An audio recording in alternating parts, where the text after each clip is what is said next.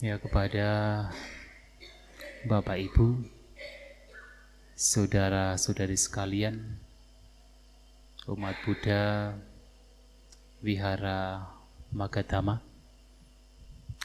Selamat malam semuanya, terpujilah Sang Buddha, Namo Buddhaya.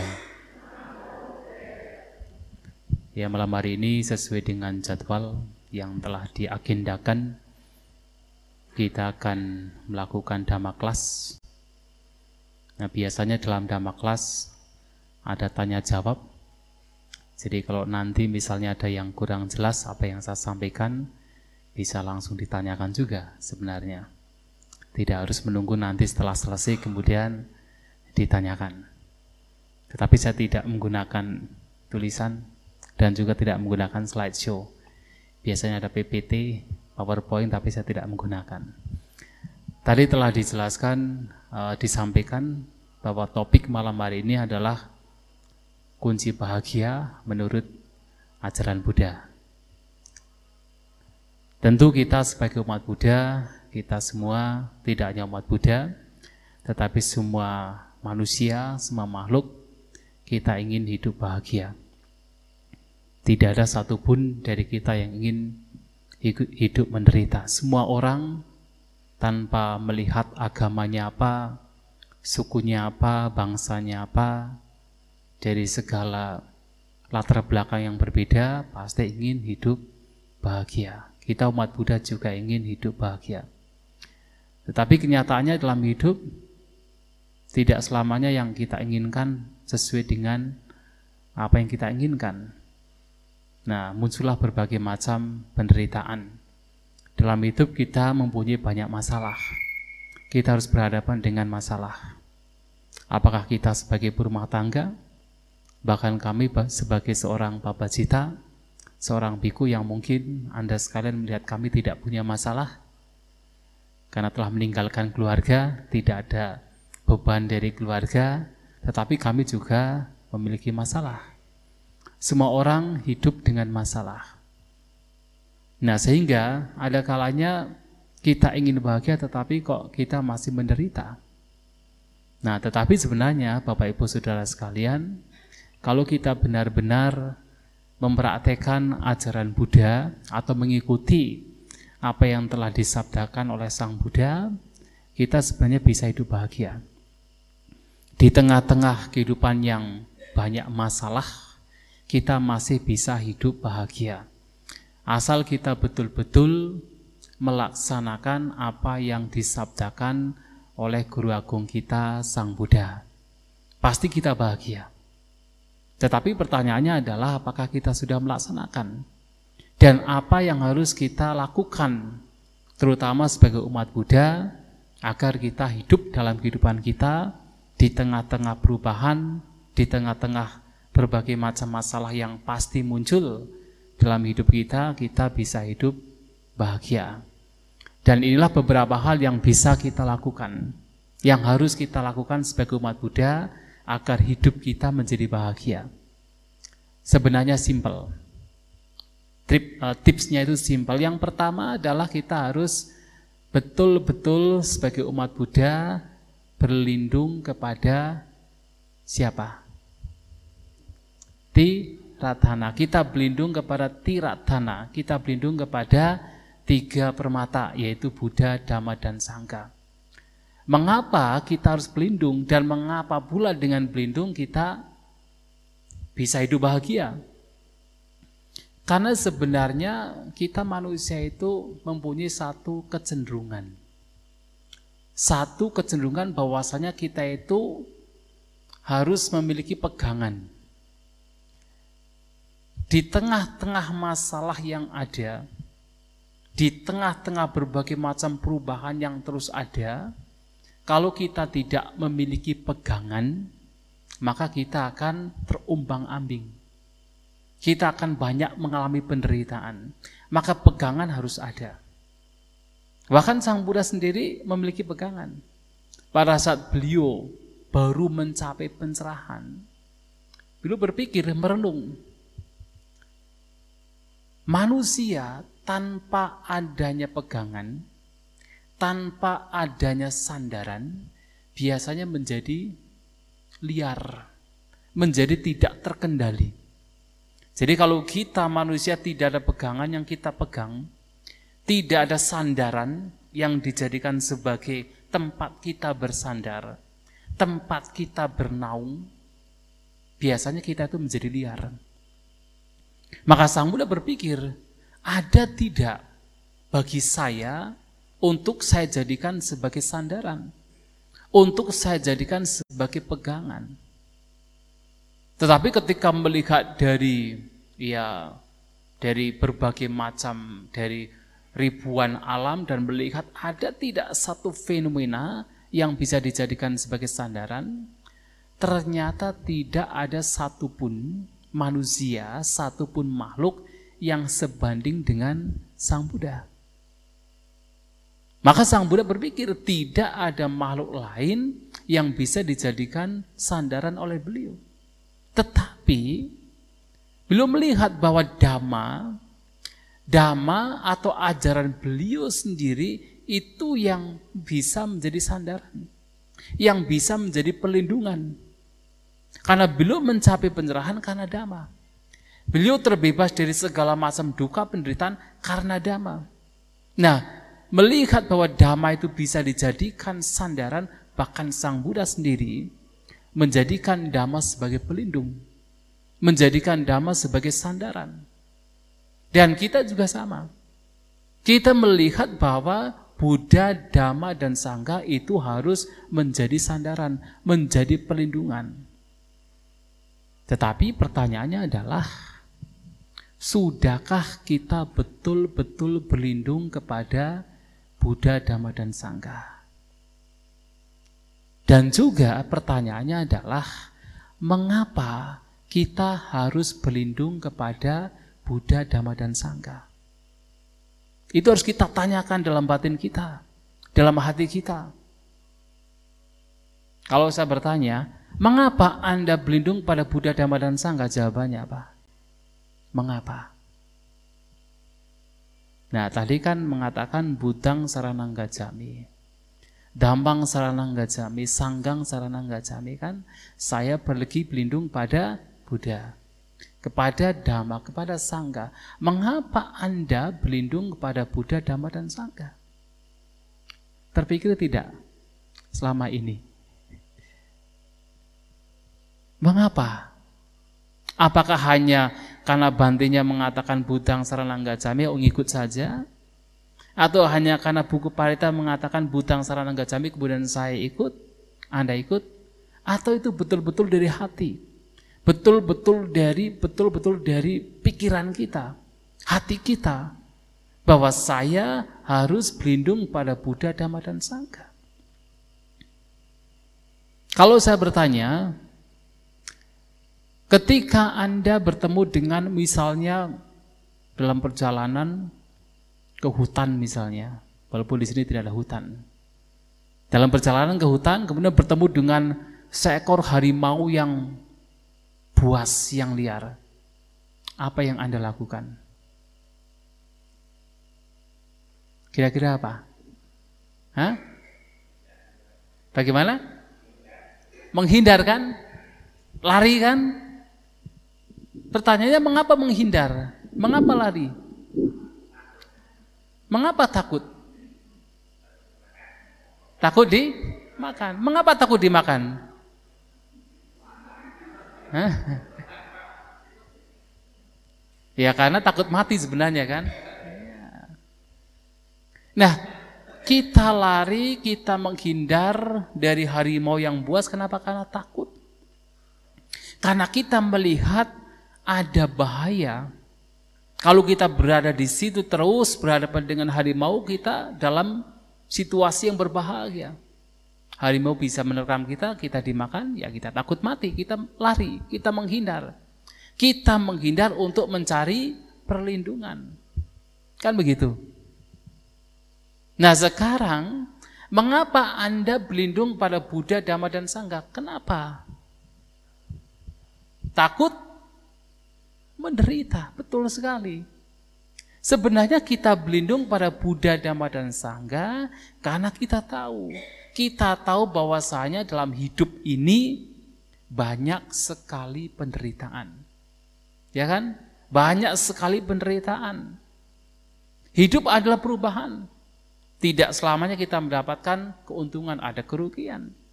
Tidak selamanya kita dipuji, ada celaan. Tidak selamanya kita mendapatkan bahagia terus, banyak duka yang harus kita alami ratap tangis, kesedihan, cemas, kekhawatiran, ketakutan, itu ada dalam kehidupan kita. Banyak sekali duka, banyak sekali penderitaan. Belum lagi kalau kita percaya dengan ajaran Sang Buddha, kita hidup tidak hanya dalam kehidupan manusia saja, dalam kehidupan sekarang saja. Kita telah mengalami berbagai macam kehidupan di kehidupan-kehidupan yang lampau. Banyak sekali kehidupan-kehidupan yang lampau kita juga pernah mengalami penderitaan. Banyak sekali penderitaan. Kita pernah terlahir sebagai binatang. Nah, jadi kalau kita Buddhis percaya kita pernah terlahir sebagai binatang. Pernah tidak Bapak Ibu Saudara sekalian melihat ada seekor binatang yang sangat menderita? Misalnya apa? Misalnya ada seekor cacing yang kemudian dikerubungi oleh banyak semut, dimakan sampai habis. Pernah lihat belum? Pernah kan? Kira-kira kalau kita jadi cacing menderita tidak? Sangat menderita. Sang Buddha mengatakan, apa pun penderitaan yang kita lihat, yang dialami oleh makhluk lain, sesungguhnya kita pernah mengalami dalam kehidupan-kehidupan yang lampau. Kita pernah mengalami. Dan itu akan terus dialami kalau kita tidak terbebas dari penderitaan. Jadi kita akan mengalami lagi kalau tidak terbebas dari penderitaan. Bahkan pernah dikatakan begini. Di antara Bapak Ibu Saudara sekalian pernah tidak Anda kehilangan mungkin orang tua Anda? Pernah? Anak Anda mungkin? Saudara Anda pernah kan? Ya, apalagi yang sudah sepuh-sepuh, pasti pernah kehilangan orang tua kan? Pada saat kehilangan, bersedih tidak? Tidak bersedih? Nah. Kalau zaman hebat. memang seharusnya tidak bersedih, tetapi biasanya bersedih kan? Biasanya. Sebagai umat Buddha memang kita harus meredam kesedihan. Tetapi biasanya umumnya ketika orang tua meninggal, kita bersedih ya banyak orang menangis. Kan begitu? Kira-kira kalau menangis ditinggal oleh orang tua, berapa air mata yang kita keluarkan? Kira-kira berapa?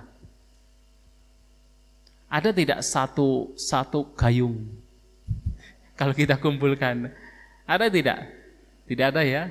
Apalagi kalau bilang satu ember tidak ada ya, tidak ada. Tidak ada. Nah, Sang Buddha mengatakan air mata yang pernah kita keluarkan karena ditinggal oleh ibu kita, itu baru ibu saja. Selama kehidupan-kehidupan yang lampau, itu melebihi empat air di empat samudra. Melebihi air yang ada di empat samudra. Pernah ke laut kan? Pernah ke laut? Yang kita lihat itu sebagian kecil kalau di laut. Empat samudra itu ya air laut yang ada di planet bumi ini. Nah air mata yang kita keluarkan sudah melebihi air yang ada di empat samudra. Bayangkan. Berarti kita pernah mengalami penderitaan dalam kehidupan-kehidupan yang lampau tidak terhitung banyaknya. Dan itu akan terus dialami kalau kita tidak terbebas dari duka penderitaan. Nah, melihat bahwa hidup adalah penderitaan, hidup banyak sekali penderitaan yang harus kita alami, nah kita hendaknya tergugah tergugah untuk terbebas dari penderitaan. Nah, rasa tergugah untuk terbebas dari penderitaan artinya kita berusaha untuk terbebas dari sangsara. Nah, dalam pencarian ini kemudian kita melihat melihat bahwa untuk terbebas dari penderitaan kita harus mendapatkan perlindungan yang sejati. Nah, perlindungan yang sejati inilah yang kita peroleh di dalam Buddha, Dhamma, dan Sangha. Tetapi tentu dalam hal ini karena kita mengerti, mengerti apa itu Buddha, mengerti apa itu Dhamma, mengerti apa itu Sangha. Kita takut karena menderita. Semua orang takut karena menderita. Kemudian mencari pelindungan. Nah, berbagai macam pelindungan kemudian diperoleh. Ada yang kemudian karena takut menderita, kemudian mencari dukun. Ada kan mencari dukun, kemudian mendapatkan mantra, mendapatkan amulet, mendapatkan jimat. Ada juga kemudian bertapa di kuburan, Kan begitu. Ada orang takut penderitaan kemudian mencari sebanyak-banyaknya harta kekayaan. Banyak dilakukan, tetapi itu semua kalau kita lihat, kita pahami semua itu tidak bisa memberikan perlindungan yang sebenarnya. Nah kemudian kita mengenal Dhamma. Mengenal Dhamma, mengenal Buddha. Mengenal Buddha bukan Buddha yang di, di Arca ini, bukan. Mengenal Buddha sebagai sosok yang memiliki kualitas-kualitas yang bijak, kualitas-kualitas yang membawa seseorang kalau mempraktekkan terbebas dari penderitaan. Nah kita mengenal Buddha, kita mengenal ajaran beliau, kita juga mengenal ada para siswa sang Buddha yang dengan prakteknya yang sungguh-sungguh juga terbebas dari duka penderitaan. Nah, melihat kualitas-kualitas inilah kemudian kita menyatakan berlindung kepada Buddha, Dhamma, dan Sangha. Kita takut, kita melihat banyak bahaya di dalam alam sangsara, kemudian kita mendapatkan Buddha, Dhamma, dan Sangha sebagai fenomena, sebagai kualitas yang patut untuk kita jadikan sebagai pelindungan. Dan mengapa dengan berlindung pada Buddha, Dhamma, dan Sangha, kita menjadi bahagia. Setidaknya, setiap kita ada masalah, kita ingat Buddha, Dhamma, dan Sangha sebagai pelindungan kita. Ketika kita berada di dalam kecemasan, kita berada dalam ketakutan, kita ingat Buddha, Dhamma, dan Sangha sebagai pelindungan kita. Jadi kalau Bapak Ibu Saudara sekalian misalnya misalnya pergi ke tempat yang konon kabarnya angker misalnya. Kemudian ketakutan muncul, apa yang biasanya Bapak Ibu Saudara lakukan? Apa yang biasanya dilakukan? Hah? Baca mantra. Kan banyak dilakukan kan? Ada yang baca mantra, ada yang berdoa, ada yang baca karania metasuta kan begitu, ada yang kemudian bernyanyi-nyanyi kan begitu, bersiul-siul dan sebagainya. Tetapi sebenarnya kalau kita sudah betul-betul yakin, percaya dan betul-betul berlindung kepada Buddha, Dhamma dan Sangha, kita menyerahkan hidup kita untuk Buddha, Dhamma dan Sangha ketakutan bisa lenyap. Dan ini sering kali oleh para guru meditasi, ya meditasi Buddhis terutama, dianjurkan. Ketika dalam bermeditasi kemudian kita merasa ketakutan, cemas dengan sesuatu, kita harus ingat bahwa hidup kita sudah kita serahkan untuk Buddha, Dhamma, dan Sangha. Karena keyakinan. Karena keyakinan kita menyerahkan hidup kita untuk Buddha, Dhamma, dan Sangha, maka kita tidak takut mati. Ketakutan lenyap, kecemasan lenyap, kekhawatiran lenyap, walaupun di tempat-tempat yang mungkin dikatakan sebagai angker. Bisa lenyap. Tetapi kalau kemudian kita belum belum sepenuhnya yakin terhadap Buddha, Dhamma, dan Sangha, ya memang walaupun kita ingat terhadap Buddha, Dhamma, dan Sangha, ketakutan masih menghantui kita, masih mencengkeram batin kita. Kalau kita tidak yakin, tapi kalau kita yakin, betul-betul yakin kita berlindung kepada Buddha, Dhamma, dan Sangha, ketakutan itu bisa lenyap. Pada saat kita berada di tempat-tempat yang mungkin membawa, membuat kita takut.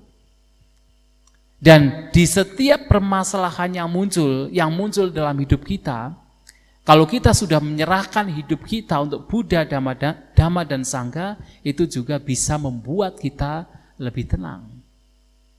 Dan itulah berlindung kepada Buddha, Dhamma, dan Sangha, itu salah satu tips agar kita bahagia, apalagi kita sebagai umat Buddha yang memang memiliki keyakinan terhadap tiratana. Ini yang pertama. Nah yang kedua yang harus kita lakukan adalah mempraktekkan sila, moralitas. Pernah ada seorang raja bernama Raja Pasenadi. Nah, raja ini dengan istrinya suatu kali bermeditasi. Nah, bangkit dari meditasi, kemudian mereka bertanya satu sama lain. Raja Pasenadi bertanya, bertanya kepada permaisurinya. Kira-kira siapakah orang yang paling kamu cintai di dunia ini? Ratu Malika, yaitu permaisuri dari Raja Pasenadi menjawab, setelah saya melihat dunia, kemudian melihat banyak orang, ternyata saya sadar bahwa yang paling saya cintai dalam dunia ini adalah diri saya sendiri. Jadi bukan suaminya, tetapi adalah dirinya sendiri. Bukan suaminya, bukan anaknya, bukan saudaranya, bukan orang tuanya, tetapi dirinya sendiri. Dan ternyata Raja Pasinadi juga mengatakan hal yang sama. Dan saya juga sama. Setelah saya melihat ke dalam diri saya, melihat keseluruhan dunia, ternyata yang paling saya cintai adalah diri saya sendiri. Jadi bukan istrinya, bukan permaisurinya, bukan anaknya, bukan orang tuanya, tetapi dirinya sendiri. Lantas dua orang ini datang pada Sang Buddha, menceritakan apa yang terjadi menceritakan pendapat mereka bahwa ternyata yang paling dicintai dalam hidup sebagai manusia adalah dirinya sendiri. Walaupun kita berbicara, saya mencintai Anda, mencintai suami Anda, istri Anda, orang tua Anda, tetapi sebenarnya yang paling dicintai adalah dirinya sendiri. Nah, ketika datang para Sang Buddha, Sang Buddha mengatakan memang betul. Setiap manusia bahkan setiap makhluk yang paling dicintai adalah dirinya sendiri, bukan orang lain. Nah, pertanyaannya adalah sebagai wujud untuk mencintai dirinya sendiri, apa yang mesti orang itu lakukan? Ini pertanyaannya. Nah mungkin seseorang berpikir, oh kalau saya mencintai diri saya sendiri, maka saya harus melakukan yang terbaik untuk diri saya sendiri, apa pun yang saya inginkan harus tercapai. Setiap keinginan-keinginan indera yang muncul harus dipenuhi. Kita berusaha memanjakan indera-indera kita. Apakah itu betul-betul sebagai wujud mencintai diri sendiri? Dengan memanjakan indera-indera kita, kita ingin makan, kita makan, kita ingin minum, kita minum, nonton film, kita nonton film, kita ingin mencari sesuatu yang memberikan kenikmatan bagi indera kita, kita lakukan. Apakah dengan cara demikian? Sebagai wujud kita mencintai diri sendiri. Ternyata tidak. Mudah mengatakan kalau kita betul-betul mencintai diri sendiri, kita betul-betul kita ingin bahagia, maka yang harus kita lakukan adalah menjaga perilaku kita menjaga ucapan, perbuatan, dan pikiran kita. Menjaga ucapan dan perilaku kita artinya kita menjaga moralitas kita. Yang membuat kita menderita karena apa? Kita masih melakukan berbagai macam tindak kejahatan. Mengapa kita terus bertengkar dengan orang lain misalnya?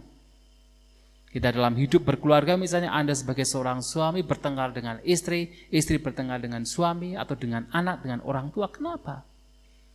Kenapa pertengkaran masih muncul kemudian penderitaan juga muncul? Ya karena silanya tidak terjaga. Karena masih apa? Berbohong. Karena masih suka bergosip. Karena masih suka mencela yang lain, menghina yang lain. Karena masih suka berkata kasar, pertengkaran muncul, penderitaan muncul. Maka untuk supaya kita bahagia di dalam kehidupan kita, kehidupan bermasyarakat, kita harus menjaga moral kita. Nah sebagai umat Buddha Anda tadi meminta tuntunan di sarana Pancasila. Artinya bertekad untuk tidak membunuh, tidak mencuri, tidak berzina, tidak berbohong, tidak mabuk-mabukan. Tidak berbohong tidak hanya berbohong saja, termasuk adalah tidak berkata kasar, tidak bergosip, tidak berkata yang tidak bermanfaat dan juga tidak memfitnah orang lain. Kalau kita ingin bahagia. Maka Sang Buddha mengatakan begini, Yo parang, yo atanang rakanto parang rakati. Siapa pun yang melindungi dirinya sendiri, dia melindungi orang lain. Dan siapa pun yang melindungi orang lain, dia melindungi diri sendiri. Artinya apa? Kalau kita melindungi kita sendiri, yaitu dengan apa? Praktek sila, dengan mempraktekkan nilai-nilai moralitas, kita tidak membunuh, tidak mencuri, dan tidak melakukan hal-hal yang sifatnya jahat, tidak baik, maka kita melindungi yang lain. Dan kalau kita melindungi yang lain, kita melindungi diri kita sendiri. Artinya kalau kita tidak merugikan yang lain dengan praktek sila kita, kita tidak menghancurkan kehidupan yang lain, tidak mengambil apa yang tidak diberikan oleh orang lain, tidak mengganggu istri suami orang lain, tidak berbohong pada orang lain, kita menjaga orang lain, maka sebagai timbal baliknya kita pun juga dijaga. Dan kita bahagia. Orang lain menghina kita, mencela kita, merugikan kita, mencelakai kita, ya sebenarnya itu bermula berawal dari kita juga. Ya walaupun tidak dalam kehidupan sekarang, kehidupan yang lampau juga mempengaruhi. Karena kita pernah berbuat kejahatan, maka sebagai timbal baliknya kita mendapatkan penderitaan. Maka yang membuat kita menderita adalah karena tindakan, ucapan kita itu tidak terjaga. Jadi kalau kita menjaga ucapan kita, tindakan kita, dalam kehidupan kita, kita mengisi kehidupan dengan hal-hal yang baik, mengucapkan hal-hal yang baik, tidak berbohong, tidak mencela, tidak menghina, tidak berkata kasar, tidak bergosip. Perbuatan kita juga perbuatan yang tidak merugikan orang lain, makhluk lain, ya kita menjadi bahagia. Maka praktek sila ini kalau betul-betul dilakukan, ya itulah yang membuat kita menjadi bahagia. Jadi kita berlindung pada Buddha, Dhamma, dan Sangha. Kemudian kita lanjutkan dengan praktek sila. Maka tadi meminta tuntunan ti sarana dan juga Pancasila. Kalau dua hal ini saja itu betul-betul dilakukan dalam hidup kita, ya dalam hidup kita kebanyakan yang akan kita alami adalah kebahagiaan. Nah pertanyaannya, Sudahkah kita berlindung pada Buddha, Dhamma dan Sangha dan praktek sila secara sungguh-sungguh? Apakah ketika misalnya nyamuk muncul, gatel kemudian ditapok begini, masih tidak? Masih? Wah, itulah harus walaupun itu adalah kehidupan yang kecil, ya kita harus berusaha untuk tidak membunuh. Harus berusaha. Walaupun sulit, memang mungkin kalau kita belum melakukan seakan-akan kita menderita, kita digigit nyamuk. Tetapi kalau kita melakukan, betul-betul tidak membunuh, betul-betul tidak mencuri, betul-betul melakukan yang terbaik untuk tidak merugikan makhluk lain, kita merasa hidup kita itu berguna. Merasa hidup kita berguna, merasa kita telah melakukan yang terbaik, itu sendiri membuat kita bahagia. Dan sebenarnya itulah perlindungan yang sebenarnya. Perlindungan yang sebenarnya tidak hanya mengucapkan butang seranangga jami, tetapi adalah dengan mempraktekkan dhamma itu sendiri. Dengan mempraktekkan nilai-nilai moralitas itu sendiri yang menjadi perlindungan bagi kita. Damo have rakati damasari. Jadi dhamma melindungi siapa pun yang mempraktekkan. Jadi yang mempraktekkan saja. Yang tidak praktek ya tidak terlindungi. Walaupun kita sudah ya berulang-ulang ribuan kali mengucapkan budang saranangga jami, damang sanggang saranangga jami, kalau tidak mempraktekkan dhamma, tidak mempraktekkan zila, ya kita tidak terlindungi. Kita tetap menderita. Hidup kita akan semakin mempunyai banyak masalah. Kita sudah banyak masalah, ditambah lagi dengan berbagai macam masalah yang lain. Karena perbuatan kita sendiri. Maka mempraktekkan sila itu penting. Agar kita hidup dalam kehidupan kita, kita bahagia. Kita praktek sila, kita bahagia karena tidak menghancurkan kehidupan yang lain. Dan kita sebagai timbal baliknya juga tidak dihancurkan oleh orang lain. Karena kita melindungi yang lain, sebagai timbal baliknya kita juga dilindungi. Itu sudah hukum alam. Parang rakanto atanang rakati. Siapa pun yang melindungi orang lain, itu juga melindungi dia sendiri. Itu sudah hukum alam. Kalau kita tidak ingin dicubit, jangan mencubit yang lain. Kan begitu. Jadi kalau kita tidak ingin menderita karena orang lain, ya jangan merugikan orang lain. Itu sudah hukum alam. Maka kalau kita ingin bahagia, ya kita harus mempraktekkan moral dengan baik dalam kehidupan kita. Menjaga ucapan dan tindak tanduk kita. Kita akan bahagia. Yang kedua. Yang ketiga, kalau kita ingin bahagia dalam hidup kita, cobalah berusaha untuk hidup puas. Puas itu dalam bahasa Pali disebut santuti. Santudi paramang danang. Kepuasan adalah kekayaan yang tertinggi. Jadi ternyata bukan harta materi yang berlimpah, bukan kemasyuran ya yang dikatakan sebagai kekayaan yang tertinggi, ternyata puas. Rasa puas itu adalah kekayaan yang tertinggi. Yang membuat kita menderita juga biasanya kenapa? Karena kita tidak pernah merasa puas. Karena kita itu selalu diperbudak oleh nafsu kita. Diperbudak oleh tanha kita. Melihat yang lain mendapatkan ini, kemudian kita memunculkan iri hati. Memunculkan ketidakpuasan. Nah ini apa? yang lain punya mobil, kita tidak punya mobil, misalnya begitu ya, misalnya.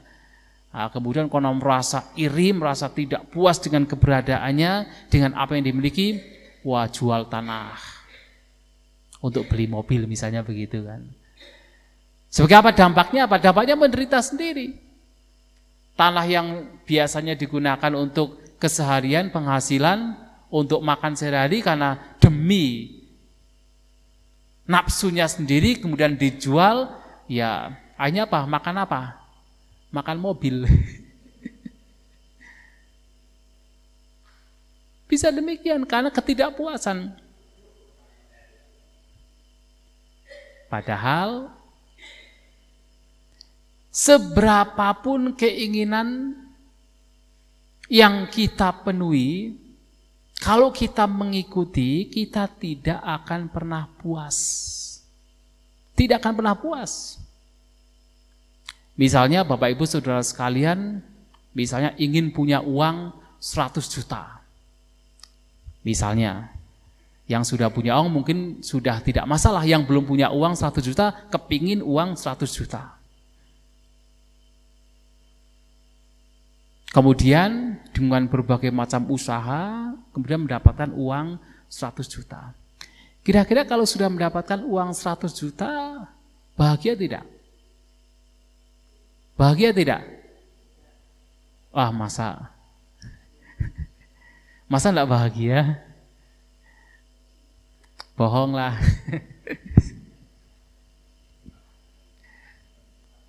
bahagia lah ya, bahagia pasti ya yang tadinya tidak punya uang satu juta, kemudian punya uang satu juta, bahagia kan? Pasti bahagia, tetapi apakah kebahagiaan yang muncul itu kekal atau tidak kekal? Tidak kekal. Kebahagiaan yang muncul hanya bersifat sementara. Mungkin dalam satu minggu, satu bulan mungkin masih bahagia. Oh saya punya uang 100 juta kan begitu. Tetapi setelah itu apakah kemudian terus bahagia? Tidak keinginan yang lebih itu akan muncul. Coba kalau saya punya uang setengah M, kan begitu. Kemudian dengan usaha, kemudian dia dapat juga uang setengah M. Baik juga. Tapi apakah setelah mendapatkan uang setengah M, kemudian dia betul-betul bahagia? Ya bahagianya sementara. Setelah itu apa? Ingin uang yang lebih banyak lagi. 1M, 2M, 3M, dan seterusnya. Tidak pernah merasa terpuaskan, tidak pernah. Kalau mengikuti keinginan, manusia itu tidak pernah terpuaskan. Dan pada akhirnya apa? Dia menjadi budak dari keinginannya sendiri. Sudah diperbudak oleh keinginan sendiri dan dia tidak bahagia karena tidak mendapatkan kepuasan dan dia tidak bahagia. Eh tahu-tahu mati.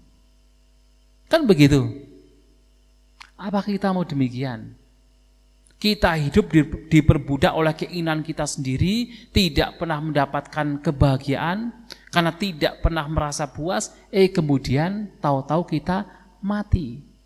Mati pun juga dengan apa? Dengan ketidakpuasan. Mati dengan banyak keinginan yang belum terpenuhi. Nah mati yang demikian artinya apa? Ya terlahir menjadi makhluk gentayangan. Nah makhluk peta kan begitu kan, makhluk peta itu kan peta itu apa? Haus. Jadi makhluk yang yang penuh dengan kehausan. Haus apa? Karena dirinya sendiri. Karena mati dengan banyak keinginan yang belum terpuaskan, maka menjadi peta. Atau makhluk kelaparannya, makhluk yang masih kehausan. Haus karena keinginan-keinginannya belum terpenuhi. Nah, ada seorang Bante pada zaman Sang Buddha bernama Pala. Beliau ditanya, belum menjadi seorang biku pada waktu masih muda ditanya oleh seorang raja, Raja Kuravia. Mengapa Bante menjadi seorang biku ketika masih muda, sedangkan Bante kan keluarga berasal dari keluarga kaya, punya istri yang cantik kok mau-maunya jadi biku. Salah satu jawaban dari Bantir Adapala adalah unoloko adito tanhadaso. Mengapa? Karena saya melihat, saya perhatikan bahwa yang namanya dunia itu tidak pernah merasa, yang namanya dunia itu selalu kurang. Uno, uno itu kurang. Apa itu dunia? Dunia adalah kita manusia. Yang namanya manusia itu selalu merasa kurang. Seberapapun banyaknya keinginan yang dipenuhi, dia selalu merasa kurang. Dan karena merasa kurang, dia tidak pernah terpuaskan atito. Dan pada akhirnya kalau dia terus mengembangkan keinginannya, tidak pernah merasa puas, dia akan diperbudak oleh nafsunya sendiri. Tanha daso, diperbudak oleh tanha, diperbudak oleh nafsunya sendiri. Dan itu adalah hukumnya. Kalau kita selalu mengumbar keinginan kita, kita tidak mengendalikan keinginan kita, kita akan diperbudak oleh nafsu kita sendiri. Dan kita tidak pernah merasa puas. Hanya menderita sendiri. Maka kekayaan yang sesungguhnya dalam Buddhis itu bukan kekayaan berupa materi. Walaupun Anda punya banyak materi, tetapi kalau tidak puas, artinya Anda itu miskin. Betul tidak? Kan merasa kurang. Orang orang yang merasa kurang kan miskin kan? Ya toh? Kalau walaupun materi banyak melimpah, tapi kalau kita masih merasa kurang, berarti kita masih miskin. Bukan orang kaya. Tetapi kalau orang mampu puas, puas dengan apa yang dimiliki, ya dia adalah orang yang kaya. Maka kepuasan adalah kekayaan yang tertinggi. Dan untuk bisa menjadi bahagia, kita harus puas. Puas dengan apa yang kita miliki sekarang. Tetapi orang yang puas itu bukan berarti orang yang tidak berusaha. Ini beda. Mungkin orang berpikir kalau saya puas berarti saya tidak perlu berusaha lagi. Berarti saya tidak perlu cari uang lagi. Anda sebagai seorang seorang rumah tangga tidak, tidak demikian. Kepuasan itu adalah sikap batin. Sikap batin yang mana dia puas dengan yang sekarang dimiliki. Tetapi juga bukan berarti dia tidak bersemangat untuk mencari uang. Memang orang bersemangat mencari uang itu bisa bisa dua, bisa dua motif. Yang pertama adalah karena keserakahan, dan yang kedua karena memang itu tugasnya. Nah, orang yang puas tetapi mengetahui tugasnya sebagai seorang rumah tangga yang harus mencari kekayaan, ya tetap mencari kekayaan. Dia mencari kekayaan tetapi tetap setiap momen, setiap saat dia tetap puas. Puas dengan apa yang diperoleh. Anda puas dengan apa yang diperoleh hari ini. Tetapi juga tetap berusaha untuk mencari karena memang tugasnya. Tetapi bukan karena keserakahan. Mencari kekayaan karena tugas. Maka walaupun puas bukan berarti menjadi lemah. Puas tetapi tetap berusaha. Tetapi bukan mencari karena keserakahan beda. Mencari karena keserakahan adalah mencari karena kotoran batin. Mencari karena tugas dan kewajibannya itu adalah karena kebijaksanaan maka puas dengan kekayaan yang dimiliki, tetapi juga tetap berusaha. Kalau puas, kemudian dia tidak berusaha, itu orang bodoh. Orang bodoh. Puas, kemudian tidak berusaha, itu orang bodoh. Puas, tetapi dia masih berusaha, itu orang bijak. Nah, serakah, mencari karena keserakahan, itu orang bodoh. Tapi mencari karena kewajiban, itu orang bijak. Tergantung Bapak Ibu Saudara sekalian pilih yang mana. Kira-kira mana yang baik?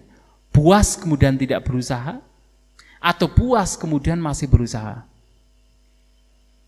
Puas tetapi masih berusaha. Kira-kira mana yang terbaik?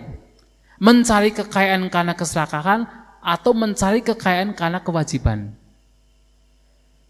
Karena kewajiban. Apalagi disertai dengan kebijaksanaan. Dalam artian, kalau saya mendapatkan kekayaan, saya bisa banyak berbuat kebajikan. Tidak hanya digunakan untuk diri sendiri, tetapi juga untuk orang lain. Nah, mencari kekayaan demikian, itu adalah karena kebijaksanaan. Maka yang ketiga adalah puas. Puas tetapi tetap semangat untuk mencari apa yang memang harus dicari bukan puas kemudian menjadi lemah. Nah, yang keempat adalah suka berdana. Nah, kalau kita ingin hidup bahagia dalam kehidupan bermasyarakat, ya kita harus suka berdana. Karena mau tidak mau kita harus mengetahui bahwasanya yang membuat kita menderita karena kemelekatan kita. Karena kita menggenggam, karena kita melekat. Nah, ketika kita melekat dengan sesuatu, sementara yang kita lekati pasti berubah, apa yang terjadi? Penderitaan. Kita menderita ketika perubahan terjadi. Kita melekat dengan keluarga kita, melekat dengan harta kita, melekat dengan uh, mungkin kedudukan kita, melekat dengan apa yang kita anggap memberikan kenikmatan. Dan kalau kita melekat sebagai dampaknya penderitaan yang kita peroleh. Itu pasti, itu hukumnya. Karena apa yang kita lekati cepat atau lambat pasti akan berubah. Karena tidak ada satupun dari fenomena yang kita alami itu tidak berubah. Semua berubah. Dan apa yang berubah ketika dilekati akan menimbulkan penderitaan. Maka bagaimana kita berusaha untuk melatih diri agar tidak melekat. Salah satunya yang paling simpel, paling sederhana adalah dengan berlatih berdana. Berlatih memberi. Dengan kita terbiasa melepas, melepas, melepas, kita memberi. Terbiasa kita menggunakan apa yang kita miliki tidak hanya untuk diri sendiri, tetapi untuk orang lain, itu adalah latihan mental kita, latihan mental untuk melepaskan kemelekatan. Mungkin orang berpikir, kalau saya melepaskan harta saya berarti ya paling saya tidak menderita ketika kehilangan harta saya karena terbiasa untuk lepas. Tetapi sebenarnya tidak. Kualitas batin melepas ini pada akhirnya juga berdampak secara positif terhadap apa pun fenomena yang kita lekati. Karena kita terbiasa melepaskan kemelekatan dengan cara berlatih berdana, nanti walaupun kita harus berpisah dengan yang kita cintai, mungkin orang tua kita, saudara kita, mungkin mungkin kedudukan kita, ini sendiri akan membuat kita lebih mudah melepas. Kita tidak melekati, kita tidak akan menderita. Itu berangkat bermula dari latihan untuk melepaskan sedikit harta kekayaan yang Anda, Bapak Ibu, Saudara sekalian miliki. Melatih berdana adalah melatih untuk melepas melepaskan kemelekatan. Sehingga ketika nanti terjadi suatu perpisahan, apakah dengan harta, atau dengan kedudukan atau kemudian dengan keluarga yang dicintai terbiasa melepaskan kemelekatan, seseorang tidak akan menderita. Oleh karena itu, berdana ini sangat penting. Dan itulah kenapa Sang Buddha mengatakan begini. Salah satu manfaat dari berdana, apabila seseorang berdana demi untuk memperindah, mempercantik batin, Artinya untuk melepaskan kemelekatan, melepaskan keserakahan, melepaskan kekikiran, bahkan sebagai dampak yang paling tinggi, yang paling positif adalah dia bisa mencapai kesucian anagami. Anagami. Padahal hanya berdana tetapi berdana ini pun juga berdampak secara luas, secara positif. Tidak hanya seseorang memiliki kekuatan untuk melepaskan kemelekatan terhadap harta kekayaan, bahkan memiliki kekuatan untuk melepaskan kemelekatan terhadap hal-hal lain. Ketika harus berpisah dengan orang tua, dengan orang yang dicintai suatu saat, karena terbiasa melepas, maka dia tidak menderita. Ketika mungkin berpisah dengan apa yang harta benda yang lain yang dicintai, yang dilekati, karena dia terbiasa melepas, tidak melekat, maka dia tidak menderita. Maka berdana ini juga menjadi salah satu hal yang harus kita lakukan agar kita menjadi bahagia dalam hidup kita. Di tengah-tengah perubahan, kita tetap berbahagia.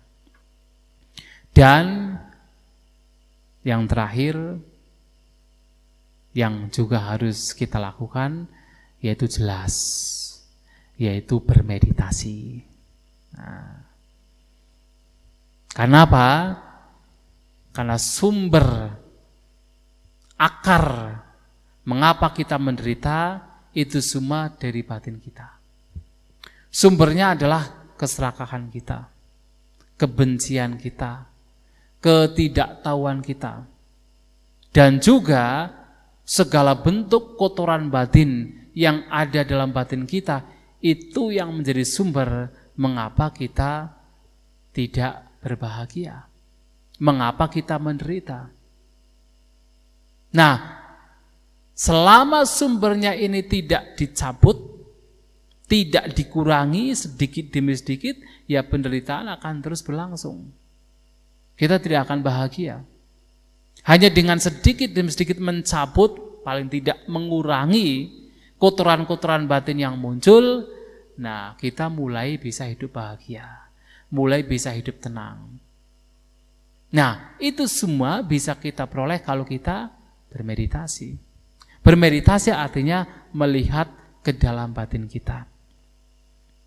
Kalau kita sudah melihat dhamma, kita mulai bermeditasi, kita mulai melihat ke dalam batin kita, paling tidak kita akan tahu bahwa yang menjadi sumber mengapa kita menderita adalah diri kita sendiri. Adalah batin kita sendiri. Sebelum kita bermeditasi, setiap penderitaan yang muncul biasanya kita akan melihat bahwa yang membuat menderita adalah objek lain, orang lain, situasi kondisi yang ada di luar diri kita. Karena dia mencela saya, saya menderita. Karena dia merugikan saya, saya menderita. Kita selalu mencari kambing hitam. Tidak melihat bahwa yang membuat menderita adalah batin kita. Kalau kita tidak bermeditasi, kita melihat yang luar. Dia berkata kasar kepada saya, makanya saya marah, saya menderita. Dia merugikan hidup saya, menjadikan saya menderita. Itu akan selalu demikian. Atau kita menderita karena panas, kita menderita karena dingin, kita menderita karena fisik kita yang sakit. Itu kalau kita tidak bermeditasi. Tetapi kalau kita bermeditasi, kita melihat, oh ternyata yang membuat kita menderita adalah pikiran kita sendiri. Walaupun orang akan berbicara kasar, berbicara yang tidak menyenangkan, kalau batin kita tenang, batin kita tidak merespon dengan pikiran kebencian, batin kita tetap memiliki cinta kasih, ya kita tidak menderita.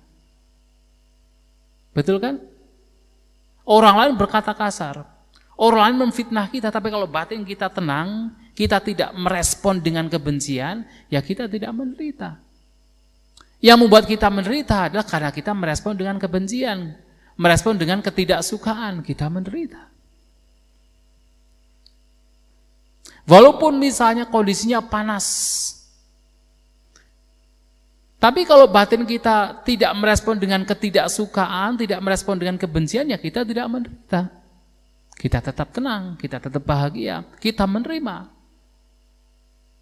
Kita merespon dengan kebijaksanaan. Ya namanya juga iklim berubah-ubah, kadang panas, kadang dingin, sesuatu yang wajar. Kita menerima keberadaan demikian, kita tidak menderita. Yang membuat kita menderita adalah pikiran kita sendiri. Nah itu diperoleh kalau kita melihat ke dalam batin kita. Jadi dalam ajaran Buddha kita diajak untuk tidak melihat keluar, tapi kita melihat ke dalam. Dalam ungkapannya kan sering kali kita mendengar. Melihat kutu di tengah lautan itu begitu jelas. Tapi melihat gajah di kelopak mata, yang berada di depan kelopak mata, tidak terlihat. Betul kan? Betul atau salah? Padahal salah ya. Bagaimana kita bisa melihat kutu di tengah lautan? Tetapi itu adalah ungkapan, artinya adalah melihat kesalahan orang lain itu mudah sekali. Tetapi melihat kesalahan dalam diri kita itu sulit sekali. Ya mengapa? Karena kita terbiasa melihat keluar. Melihat, karena terbiasa melihat keluar, apa pun hal yang berada di luar itu mudah sekali kita hakimi. Kesalahan orang lain, wah mudah sekali kita lihat. Tetapi kesalahan yang besar dalam batin kita, dalam diri kita, sulit untuk kita lihat. Umumnya demikian. Nah Sang Buddha mengajak kita bagaimana kita tidak mencari-cari kesalahan dari luar, tetapi kita melihat ke dalam batin. Melihat sebenarnya yang menjadi sumber saya menderita itu apa? Oh ternyata adalah batin kita sendiri. Jadi setiap muncul kecemasan, kekhawatiran, ketakutan, menderita, kesedihan, rata tangis dan sebagainya, kita melihat ke dalam batin. Apa yang menyebabkan saya menderita sekarang? Ternyata adalah batin kita sendiri. Nah melihat bahwa yang menyebabkan adalah batin kita sendiri, nah di situlah kita diajak untuk melenyapkan penyebab mengapa kita menderita yang ternyata penyebabnya adalah kotoran batin kita sendiri. Nah, meditasi Buddhis yang diajarkan oleh guru agung kita Sang Buddha adalah upaya untuk melenyapkan kotoran batin yang menjadi penyebab kita menderita. Apakah kita melihat, mendengar, mencium, merasakan, kita duduk, berdiri, apa pun aktivitas yang kita lakukan, kalau kita menjaga batin kita, merawat batin kita, tidak membiarkan kotoran batin berkembang, menguasai batin kita, itu disebut meditasi. Apa pun aktivitas yang kita lakukan, setiap kali kotoran batin muncul, kita berusaha untuk memotong di situ, melenyapkan di situ, itulah yang disebut meditasi. Maka meditasi yang kita lakukan, yang harus kita lakukan adalah menjaga mengawasi, memperhatikan batin kita masing-masing. Saat kita berbicara, saat kita diam, saat kita melihat, mendengar, mencium apa pun aktivitas, kalau kita tahu ada kotoran batin yang muncul, berusaha untuk melenyapkan. Tidak membiarkan itu berkembang. Walaupun itu sudah muncul, kemudian sampai keluar melalui ucapan, kata-kata kita kasar, kita bisa potong di situ Jangan kemudian kita melanjutkan kotoran batin yang muncul pada waktu itu. Kita potong di situ, kita lenyapkan. Dengan apa? Ya dengan pelajaran-pelajaran dhamma yang sudah pernah kita pelajari.